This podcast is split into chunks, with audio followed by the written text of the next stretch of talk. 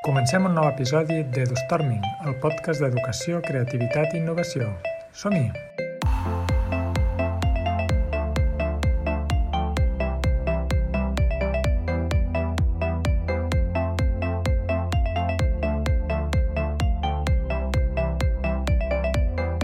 En el programa d'avui parlarem amb Mercè Gisbert Cervera, doctora en Filosofia i Ciències de l'Educació per la Universitat de Barcelona, professora universitària a la Universitat Rovira i Virgili de Tarragona especialitzada en l'estudi i la investigació de les tecnologies aplicades a l'educació i coordinadora del Fòrum Internacional d'Educació i Tecnologia. Abans, però, recomanarem un article.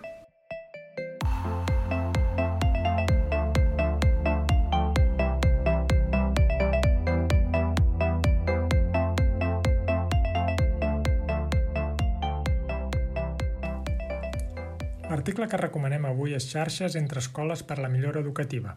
Quines pràctiques són les més efectives? És una publicació de Chris Brown i Georgetta Ion per la Fundació Bofill. El treball en xarxes entre centres educatius és una estratègia per facilitar la circulació de coneixement i l'aprenentatge entre iguals i per donar resposta a reptes de sistema. Però quin impacte té en l'alumnat i el professorat? L'evidència internacional indica que les xarxes de centres tenen un impacte positiu en els resultats d'aprenentatge de l'alumnat de totes les etapes educatives i en el desenvolupament professional dels docents. Però no totes les xarxes funcionen igual. Perquè siguin realment efectives, cal que les xarxes tinguin uns objectius ben definits i compartits, una trajectòria de com a mínim 3-4 anys i que assegurin temps i condicions per a la formació i l'aprenentatge professional. Aquest és un article molt interessant que evidencia exemples i resultats de bastantes pràctiques que s'estan duent a terme i que realment recomano la, la seva lectura.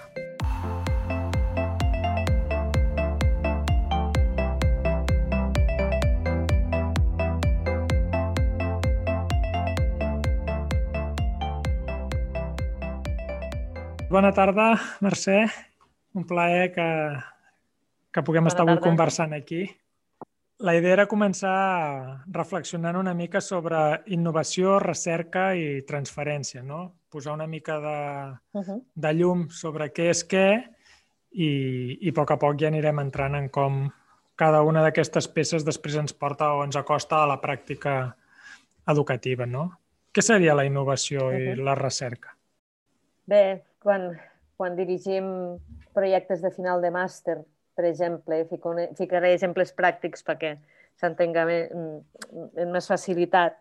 Eh, els estudiants els costa bastant distingir en què, què és recerca i què és innovació. No?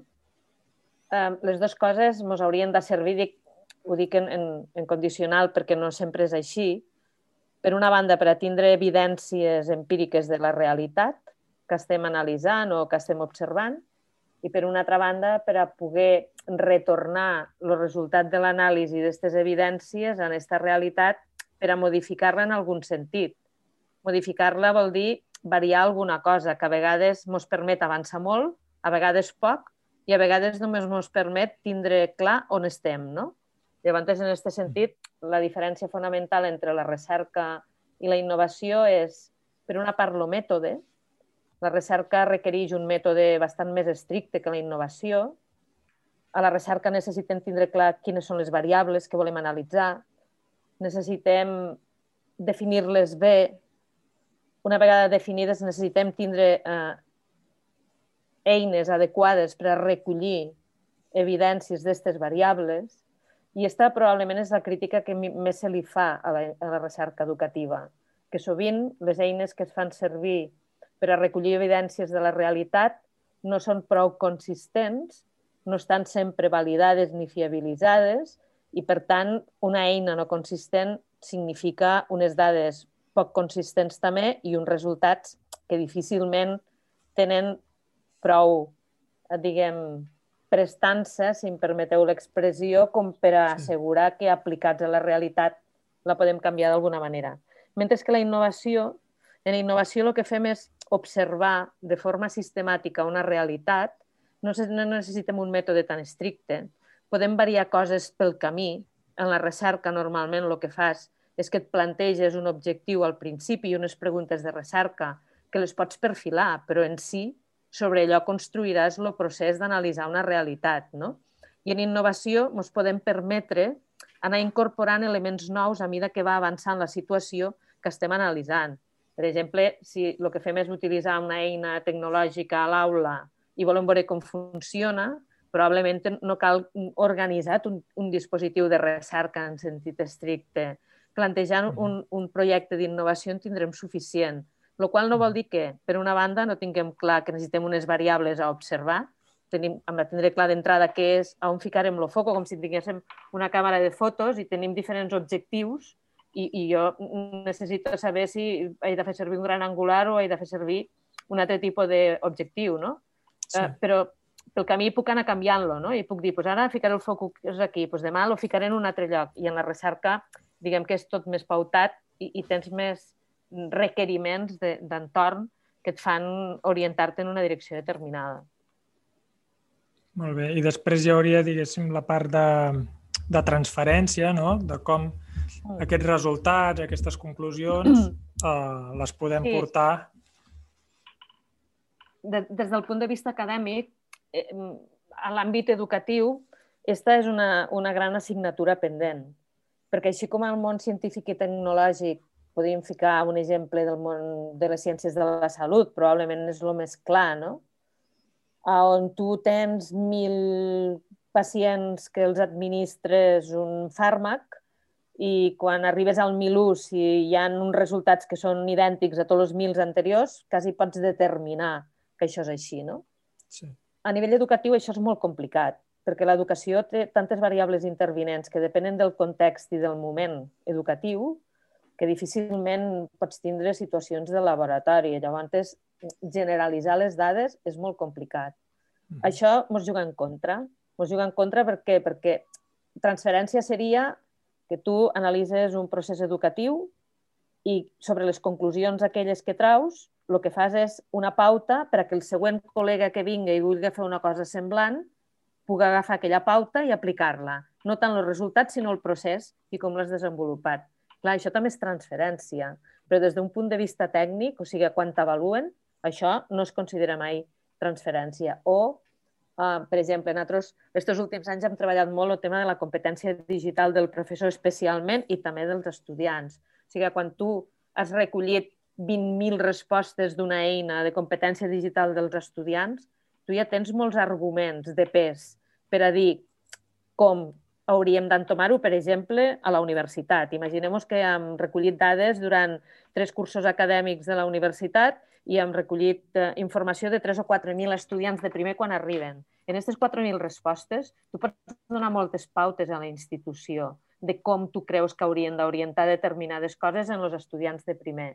Això seria transferència, també, no? Mm-hmm. Llavors, clar, no és una ver veritat absoluta, perquè realment eh, a la millor el que has fet tu és mesurar la percepció que ells tenen de determinades coses, però sí que tens evidències per a dir que la major part ho veuen d'esta manera. I si és així, tu pots fer un retorn a la institució o pots fer un retorn a les facultats per a que Marien no se queda la formació o a un grup de professors específic per a que se ocupen d'incorporar les seues matèries aquelles coses que, que són un forat diguem, no, no, no cobert a aquests estudiants de primer, per posar exemples. Sí. I aniria bastant relacionat amb el que comentaves abans de la, de la dificultat d'utilitzar unes eines que alguns puguin considerar menys fiables no? per, per aquesta gran diversitat d'escenaris, de personalitats de, mm. i de contextos que mm. fa que el, el sistema d'anàlisi sigui una mica menys eh, de mm. laboratori eh, sí i que, per tant, requereix més d'interpretació i més d'altres tipus d'aproximacions a, la, a la pròpia Clar, metodologia en, en de recerca. Cas, sí, en el nostre cas, a mesura que hem anat tenint un grup de recerca més interdisciplinar, ara diguem que estem aplicant ja models matemàtics i físics, eh, diguem, teòrics, a situacions educatives, però això només ho pots fer quan tens moltes dades, no? Llavors, diguem que ara estem en, este punt del procés. No hi havíem arribat mai. No, no, no havíem tingut mai els col·legues que fossin experts en això, però, per exemple, quan la gent parla d'analítiques d'aprenentatge o d'analítiques de docència, sí. tothom se fica les mans al cap, no? perquè ja entra tot el procés de, de que qui són les dades, de què fan les nostres dades, de... és com, com diguem, el gran hermano en negatiu, això de, de, de l'analítics, sí. sí. però en realitat seria molt útil perquè podríem parametritzar coses i això no és negatiu. Perquè vol dir que si tu pots establir models teòrics, després pots mirar si a la pràctica això se repeteix moltes vegades, no? Però, clar, per això necessites un grup de recerca que hi hagi gent que entenga de matemàtiques i física, a part d'educació, i necessites eh, ser un equip de, de recerca prou potent com per recollir suficients dades de la realitat per a que pogués establir models teòrics que després se puguen transferir a la pràctica o no? que et puguen ajudar a millorar-la. Uh, bé, no, no és impossible, però és veritat que tot, tots, o sigui, tots els literatius, o tots, és, pot ser molt, no? però la major part de, de literature reviews que han publicat sobre coses d'educació sempre acaben determinant que les eines no són consistents i, per tant, els resultats de recerca tampoc. I potser esta és una mania meua des de fa anys i hem dedicat molt, molt de temps a, a construir eines que realment siguin suficientment sòlides.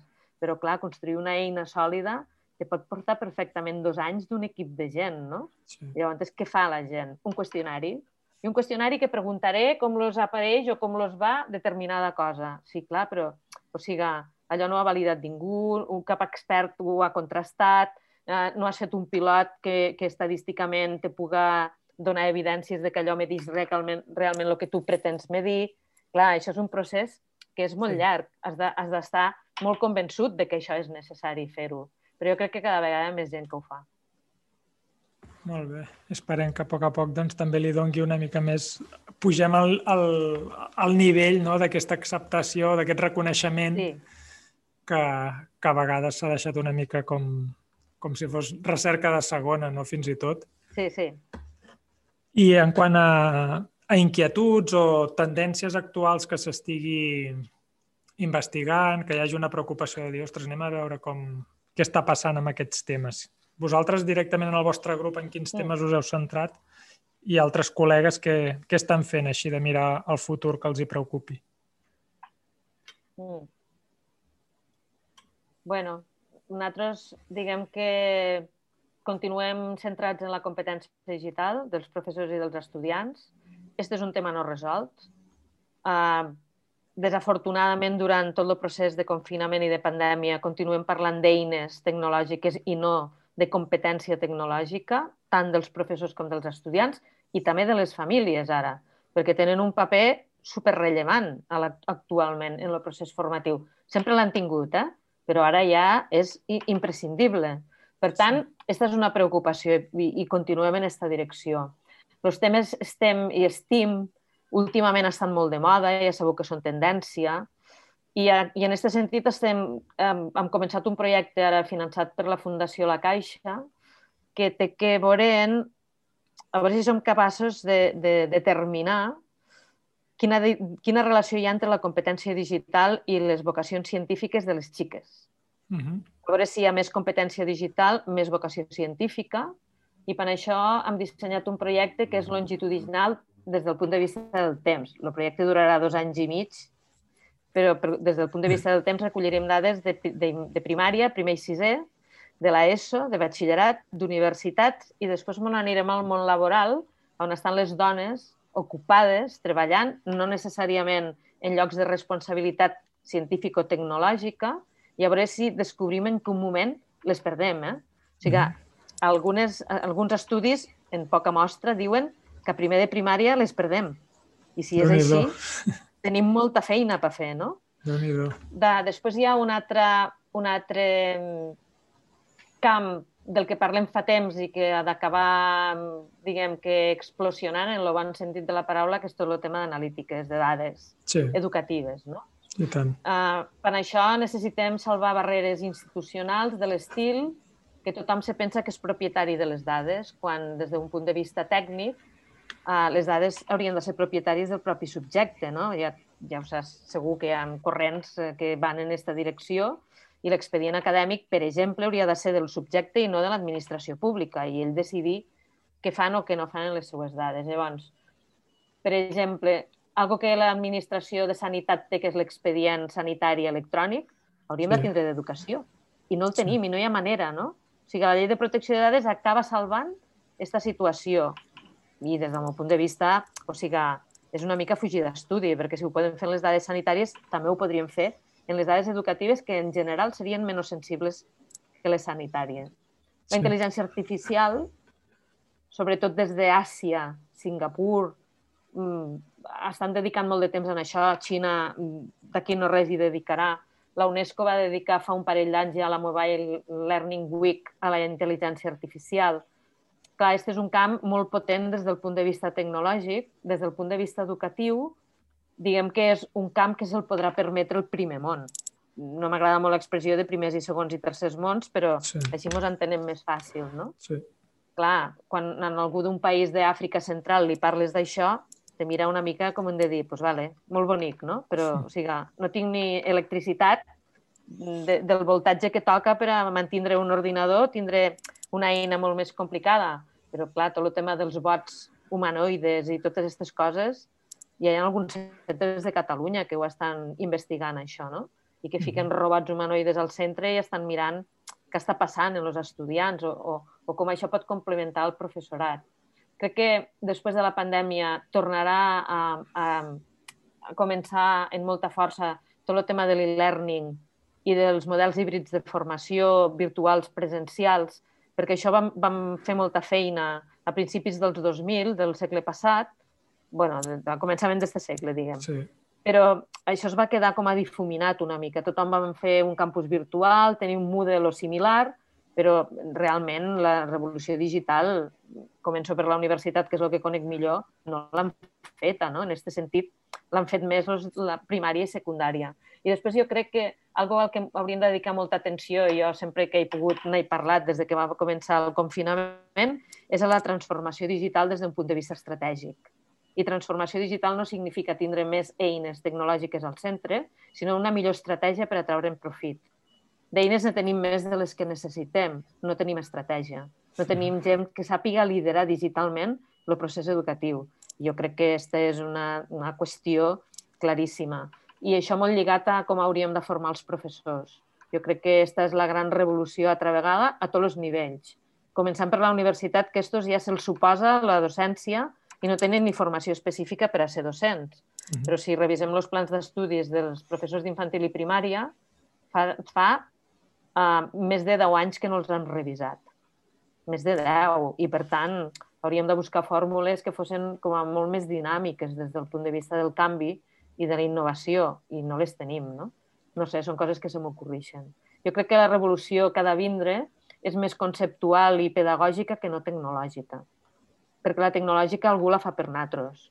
La pedagògica i la conceptual l'hem de fer des de dins del sistema formatiu, a tots els nivells, més igual, des d'infantil fins a la formació al llarg de la vida, no?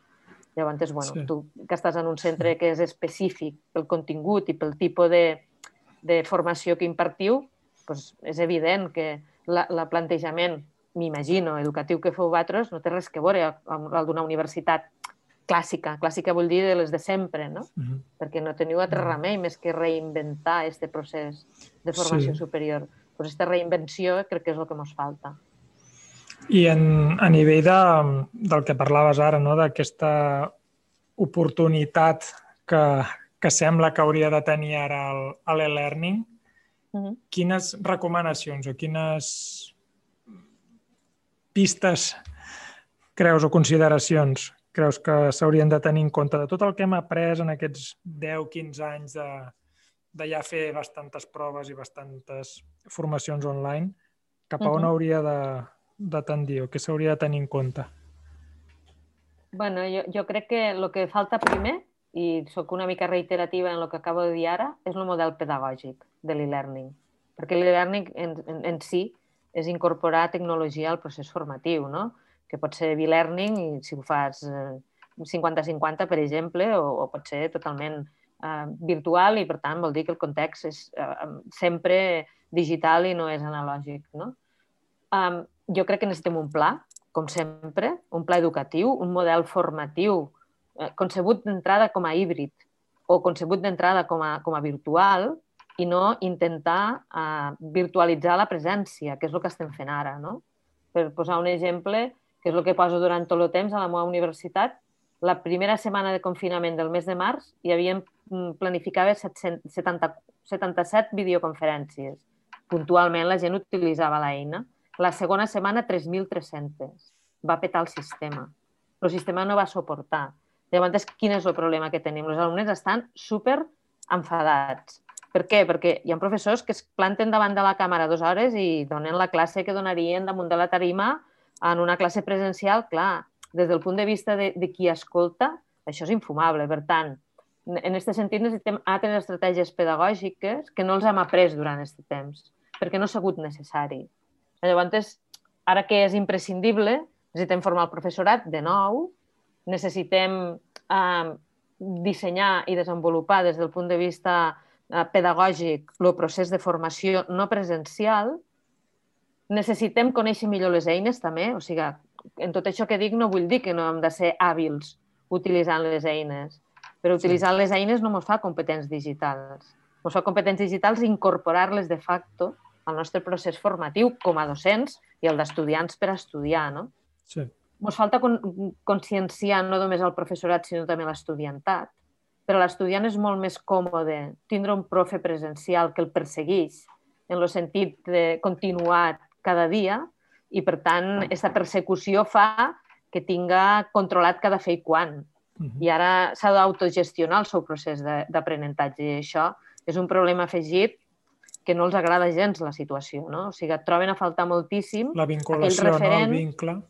Sí, no, no el vincle també, però algú que els recorde sistemàticament ara has de fer això, ara has d'entregar allò, ara contesta aquesta pregunta, ara has de vindre a aquesta classe. Clar, ara tenem puntualment, no sé, tinc una assignatura de segon de carrera i no els veurem en tot el curs, jo ho veig, o sigui, perquè cada vegada el tema de la pandèmia està pitjor, no? des del punt de vista de la, de, de la quantitat de persones infectades per la Covid. No? Mm. Llavors, bueno, jo crec que això és algo que també hauríem de fer.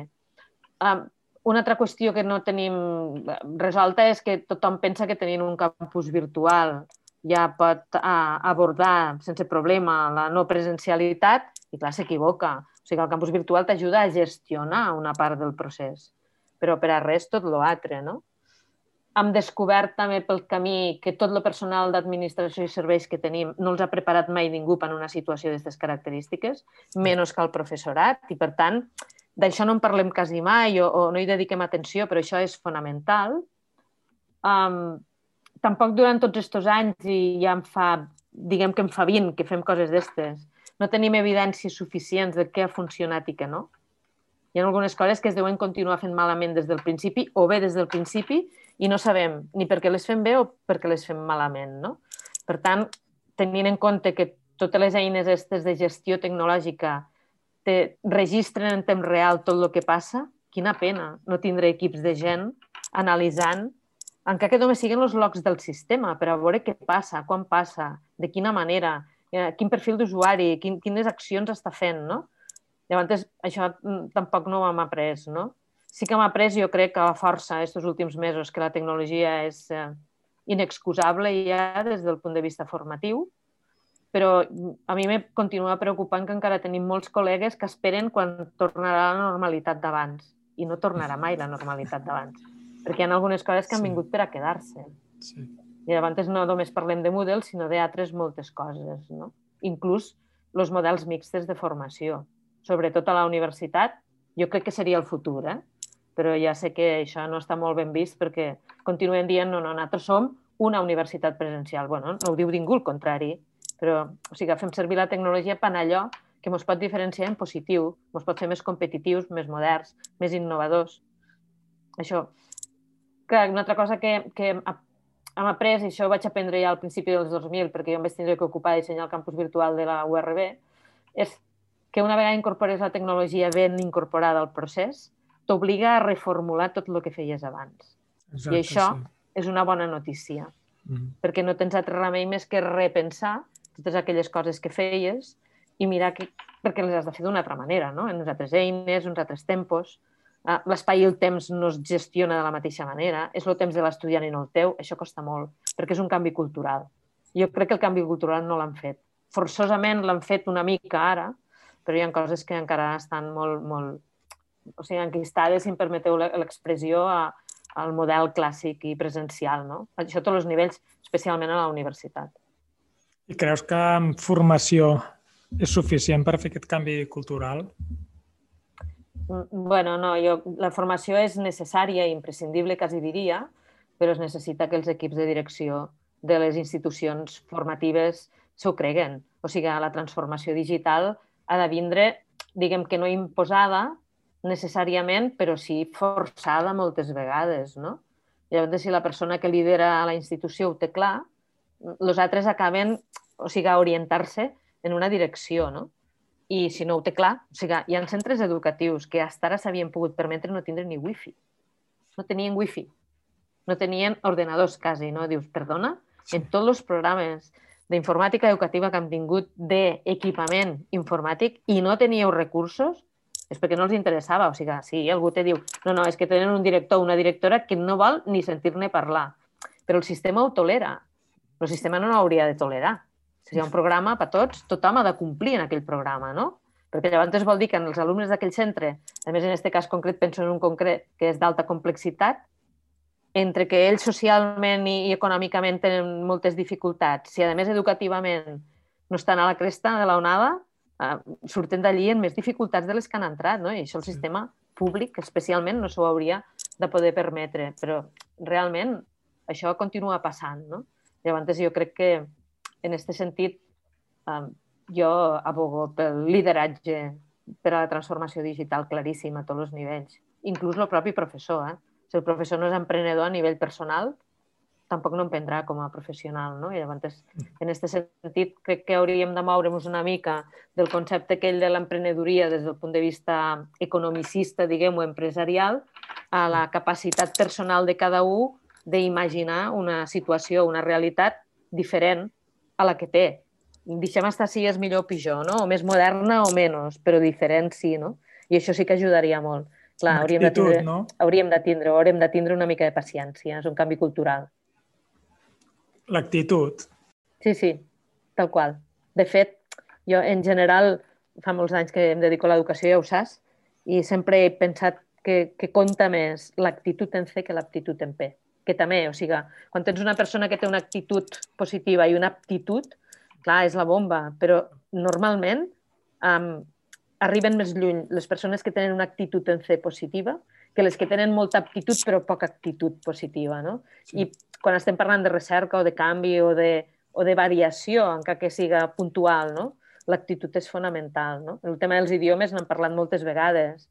Quan vas a un altre país, si, si la teva actitud és... Tu saps que has viatjat moltíssim no? pel món. Si tu tens una actitud negativa de cara al canvi, no cal que viatges, no aprendràs res. Perquè quan viatges necessites poder entendre el que diuen encara que siga superestrany, poder provar allò que estan menjant encara que dius hauré de tragar-me-ho sense pensar que estic menjant perquè, si no, a la millor vomito aquí mateix, no? O fa una calor insoportable, però has d'aprendre a suportar-la, o fa un fred que no sé com posar-me al carrer. bueno, pues, això són coses, si vols, molt puntuals o molt vitals, no? I després hi ha tota una qüestió d'empatia en l'altre, que també és fonamental si, si realment vols avançar. I ara que hi ha centres que el 85 o el 90% de la població que tenen són gent vinguda d'altres realitats. Claro, els professors que no són empàtics, clar, ja són desastres. Perquè tu has d'entendre sí. que un és maometà i que l'altre és budista i que l'altre no té religió i que l'altre és ultra ortodox i que a més parlen llengües diferents i mengen, mengen coses diferents i el seu calendari anual és diferent. bueno, doncs això, que, que sembla així dit com a molt evident, continua sent un problema, perquè jo crec que educativament, com a cultura, diguem, en aquest cas hispànica i catalana en part, eh? tampoc no s'ha treballat molt això. Hi ha programes de diversitat o de la pau o de no sé què, però és un programa i no és un sí. sentiment. Sí. Molt interessant. I tornant una mica al principi, per tancar el cercle, um, uh -huh. del, de la recerca que esteu fent o de les pràctiques que esteu investigant, quin seria el mecanisme perquè això després pugui acabar repercutint a, doncs, en un centre o en una pràctica uh -huh. diària, no? bueno, nosaltres sempre hem fet bàsicament recerca aplicada, encara que jo dic que el meu és més conceptual i d'estratègia. Um, per altra banda, sempre hem fet recerca aplicada. O sigui, tot el que expliquem és perquè ho hem provat i sabem que funciona de determinada manera. Llavors, en el temps, hem acabat desenvolupant una estratègia que la utilitzem com a grup de recerca i també la utilitzem per a formar els futurs mestres de la doble titulació d'infantil i primària, que té que veure en un programa uh, organitzat conjuntament entre la universitat i els centres escolars de primària i d'infantil. És veritat que és només una part d'una assignatura, no és tota la titulació, que és el que convindria, i que el que fem és treballar en els centres incorporant la tecnologia per a treballar la competència digital dels futurs docents a partir de les demandes dels centres concretes. I les demandes tenen que veure mm, normalment en recursos digitals i en material digital que els alumnes de la facultat han de fer a, a petició dels centres educatius, que els desenvolupen conjuntament entre el professor de la universitat i el mestre d'aula en el que treballen, i que el cercle se tanca quan ells van a l'aula a provar-ho els xiquets i xiquetes i saben si allò que han pensat i han dissenyat té un sentit, funciona, no funciona. Llavors, això ho han ficat dins del, parc, del paraigua de la universitat del programa d'aprenentatge servei, de tal manera que ho hem enfocat com un servei a la comunitat educativa. I llavors després, a part de ser currículum per als alumnes, perquè tenen la certificació del, del projecte, tenen la certificació del centre on van a fer l'activitat i tenen la de l'aprenentatge servei, el que fem al final és una jornada a la universitat tots. Llavors, és el, cinquè curs acadèmic que fem el projecte. Hem treballat ja mm, en uns 300 estudiants de la universitat Um, treballem sis professors de la universitat. En total, perquè no tots els anys participen les mateixes escoles, han, han treballat en uns 140 mestres d'infantil i primària i realment els resultats són molt, molt satisfactoris per a tothom. No? Això és mm. una convocatòria del Consell Social de la Universitat, conjuntament amb l'ICE. Llavors, evidentment, els professors el que més valoren és que el fet de que tinguin un estudiant allí que els està creant un material diferent, que utilitza unes eines diferents, a ells els obliga a aprendre sobre la marxa, sobre allò que està fent l'estudiant, però si no el poden assessorar, no? A nosaltres per què ens serveix? Perquè tenim escenaris reals, perquè els mestres puguen veure què els tocarà fer quan vagin en un centre i en una aula, més enllà de les pràctiques els pràcticums que a vegades fan la funció per a les que van pensar i, i a vegades no, no? I després, al final, hi ha una jornada on els equips que estan conformats per estudiants nostres i mestres de les escoles presenten els projectes als, als altres. No? Um, fem una votació entre tots els projectes, els estudiants han de fer un pòster per explicar l'experiència, feia una votació i el pòster més votat, normalment els regalem llibres de coses de pedagogia i després fem una avaluació 360. Tothom avalua tothom. Els els estudiants s'avaluen ells mateixos, s'avaluen per, parell, per parelles, uh, i després els tutors els avaluen, nosaltres els avaluem, tots avaluem l'experiència i el que fem és recollir evidències cada any i d'això ja tenim bastantes coses publicades perquè ara ja portem, uh, comencem el cinquè curs acadèmic fent això. No? Llavors, este és un model que per anar bé s'hauria d'establir com a model de formació dels futurs mestres. Mm -hmm perquè el que fem és jugar en, en contextos reals i en escenaris reals, en escenaris més acadèmics i més teòrics, eh, en una interacció permanent en la pràctica perquè ells se'n van a treballar als centres. I això tenim una col·lisió claríssima amb els altres col·legues, perquè llavors ens mengem part de les classes dels altres i s'enfaden perquè la gent no està presencialment a l'aula. Per tant, vol dir que hauríem de... I és una mica més allà que, que, la, que, la, que la formació en alternança, això, no? Perquè aquí li incorporem la part d'innovació. Tothom ha de recollir evidències del que passa. Tothom ha d'informar sobre el que està fent. I llavors està tornant al principi, que és la pregunta que me feies. Este és un exemple clar de procés d'innovació, que diem que tenim un marc general definit perquè ja fa cinc anys que l'utilitzem i ens funciona, que tenim totes les eines parametritzades. Eines vol dir protocols. Uh -huh. Què fem per a demanar-los als centres el que volen? Omplin una fitxa, t'ho envien, totes les fitxes són iguales, vale, ja, ja hem decidit. Què fan els estudiants per a triar el tema que els interessa? Com fem el retorn al centre? Uh, una vegada estem al centre, quines dades ens interessa recollir per a poder explicar en quin context s'ha fet la, la, el treball conjunt? bueno, i al final, quan fem l'avaluació, doncs, com mos ha anat? I este com mos ha anat, després lo podem anar sumant any a any i podem veure si sempre mos va bé igual de mal en les mateixes coses i si, sí. si no, l'any següent hi ha coses que les canviem perquè l'any anterior o ja fa dos anys que hi ha coses que grinyolen una mica, no? I, mm. bueno, per això serveix la innovació, per exemple. I això és la transferència també, no? Perquè des de la teoria, en la pràctica, no sé, este, este matí, per acabar, és un altre exemple, un dels projectes que tenim, que feia molt de temps que el teníem en un calaix i no trobàvem ningú que me'l comencés a finançar, és un observatori per al desenvolupament de la competència digital des del punt de vista professional eh, dels professors. Clar, comencem a, començarem a fer una recollida massiva de dades a Terres de l'Ebre, a les quatre comarques, i ho farem des de, les, de, de la, des de la doble estratègia del grup de recerca i dels serveis territorials d'educació de, de Terres de l'Ebre, no? de tal manera que, qui, qui serà un colideratge entre l'acadèmia i els responsables polítics adreçat a les direccions de centre per aconseguir que els centres assumisquen la necessitat de tindre un diagnòstic de la competència digital del seu professorat i dels estudiants després per a veure com se dissenyen els models de formació docent um, i com uh, les administracions educatives, en aquest cas els centres de recursos, i, i les eines diguem, que, que el territori té per ajudar el professorat poden incidir una vegada tinguem les evidències de com estan els professors en aquestes quatre comarques. No? Llavors, aquest és un exemple clar de transferència també. A nosaltres ens anirà molt bé les dades perquè a nosaltres no ens interessa que fulanet 1 o fulanet 2 feien o, o deixen de fer, ens interessa poder alimentar una base de dades que quants més milers de respostes tindrem, mm. el que us dia al començament de l'analítica de dades, sí. més podem parametritzar els perfils docents i després hi ha una segona part que és més qualitativa, que és detectem pràctiques exemplificadores i comparem. Realment la competència digital determina l'eficiència i eficàcia d'ús de la tecnologia? O sigui, les nostres intuïcions ja en dades ens estan dient que sí, que, que o sigui, el model teòric se, se, se confirma en les dades que ja tenim, no en tenim prou. O sigui, quan ne tinguem unes quantes més, podrem fer un model d'això. Això no ho ha fet ningú encara, no? Llavors és una mica el que us dia al principi. Aquest és l'avantatge que té la universitat quan pot treballar conjuntament en la realitat, perquè moltes vegades el problema que tenim és que no ens deixen agafar dades de la realitat. I llavors no, no te les inventes, òbviament, no? però clar, has de teoritzar perquè no tens mai mostres prou grans.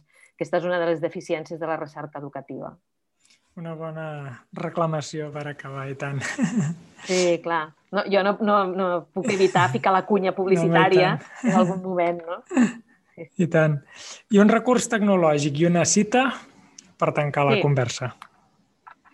Um, bueno, he, he, he pensat en el recurs tecnològic eh? i he pensat, bueno, hauries de pensar alguna cosa que fos molt d'última generació i després he decidit que no. Jo crec que el que més ha marcat la diferència al món educatiu, i no només la universitat, són les eines de campus virtuals. Mm -hmm. um, perquè, perquè són eines complexes, perquè tenen moltes, um, diguem, utilitats i perquè um, realment, uh, si això s'implanta de manera adequada, realment suposen una revolució important des del punt de vista educatiu, no? i, per tant, jo crec que aquesta és una eina que realment s'hi ha transformat el procés educatiu. Una altra eina que trobo que és molt... És que eh, en això hi, hi he pegat unes quantes voltes, eh? I crec que l'altra eina revolucionària, encara que i continua sent, és el correu electrònic. Sí. En les seues variants, eh? Perquè podríem considerar que el WhatsApp és un correu electrònic, perquè realment són missatges textuals.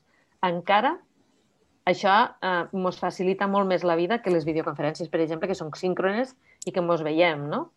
Jo crec que les eines de missatgeria instantània i ara també síncrona, si vols, eh, això és una veritable revolució des del punt de vista comunicatiu. Encara no és des del punt de vista educatiu, però ho podria ser-ho, no? Llavors, mm -hmm. penso que aquestes dues coses. I una cita, una cita de Mandela, que utilitzo moltes vegades, que diu que l'educació és l'arma més poderosa que tenim per a canviar el món. Mm. I n'estic absolutament convençuda. I torno a les referències dels teus viatges, tu que has estat a diferents punts del món, realment quan un país canvia és quan educativament algú assumeix la responsabilitat de que això és important. Mentre la població no està educada, el món no avança. I desafortunadament els poders públics a tot arreu, també al nostre continent, exceptuant excepcions del nord d'Europa, no tenen estructures d'estat pensades per a l'educació com a pacte d'estat, no? I l'evidència més clara som nosaltres que cada dos per tres tenim una llei d'educació general nova. En una sí. època, en 10 anys, anem a tindre tres. Impossible. Sí. Llavors, bueno, tenim l'educació, som educats, però no la tenim com a arma. bueno, estos dies la tenim com a arma política, com sempre que hi ha eleccions. Però no com a arma per a millorar el món, no? per a millorar el país o per a tindre ciutadans més ben formats, més cults, més savis en definitiva. Moltes gràcies, Mercè. Crec que és, està de sobres provada la teva inquietud en tants anys de, de trajectòria i d'experiència que van en aquesta lluita i en aquest sentit, no? Moltíssimes, bueno, moltíssimes soc, gràcies. Soc, una lluitadora. Moltes gràcies a vosaltres per l'oportunitat. Espero que us sigui d'utilitat les meves reflexions i la meva experiència de tants anys de fer recerca. Gràcies, un plaer col·laborar.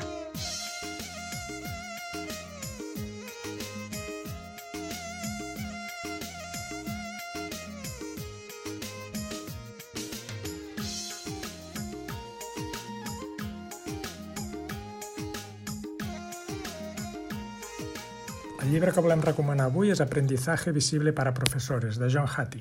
Hattie és un catedràtic investigador d'educació australià que l'any 2008 va publicar el llibre Visible Learning, on s'analitzaven més de 800 metaanàlisis recollint 50.000 articles d'investigació, que fan referència a més de 150.000 mides d'efectes i impacten en més de 240 milions d'alumnes.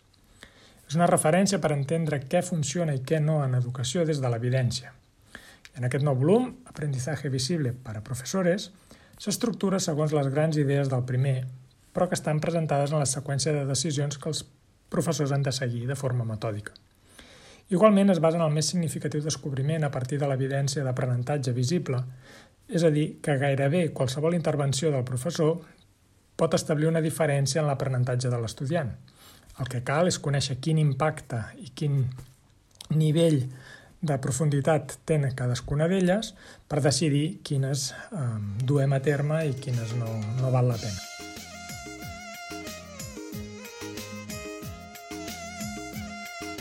Moltes gràcies per acompanyar-nos. T'esperem al proper episodi. Recorda que pots subscriure't a la llista de correu i rebre tots els enllaços i recursos que hem compartit avui, així com seguir-nos a Twitter arroba edustorming13. Fins aviat!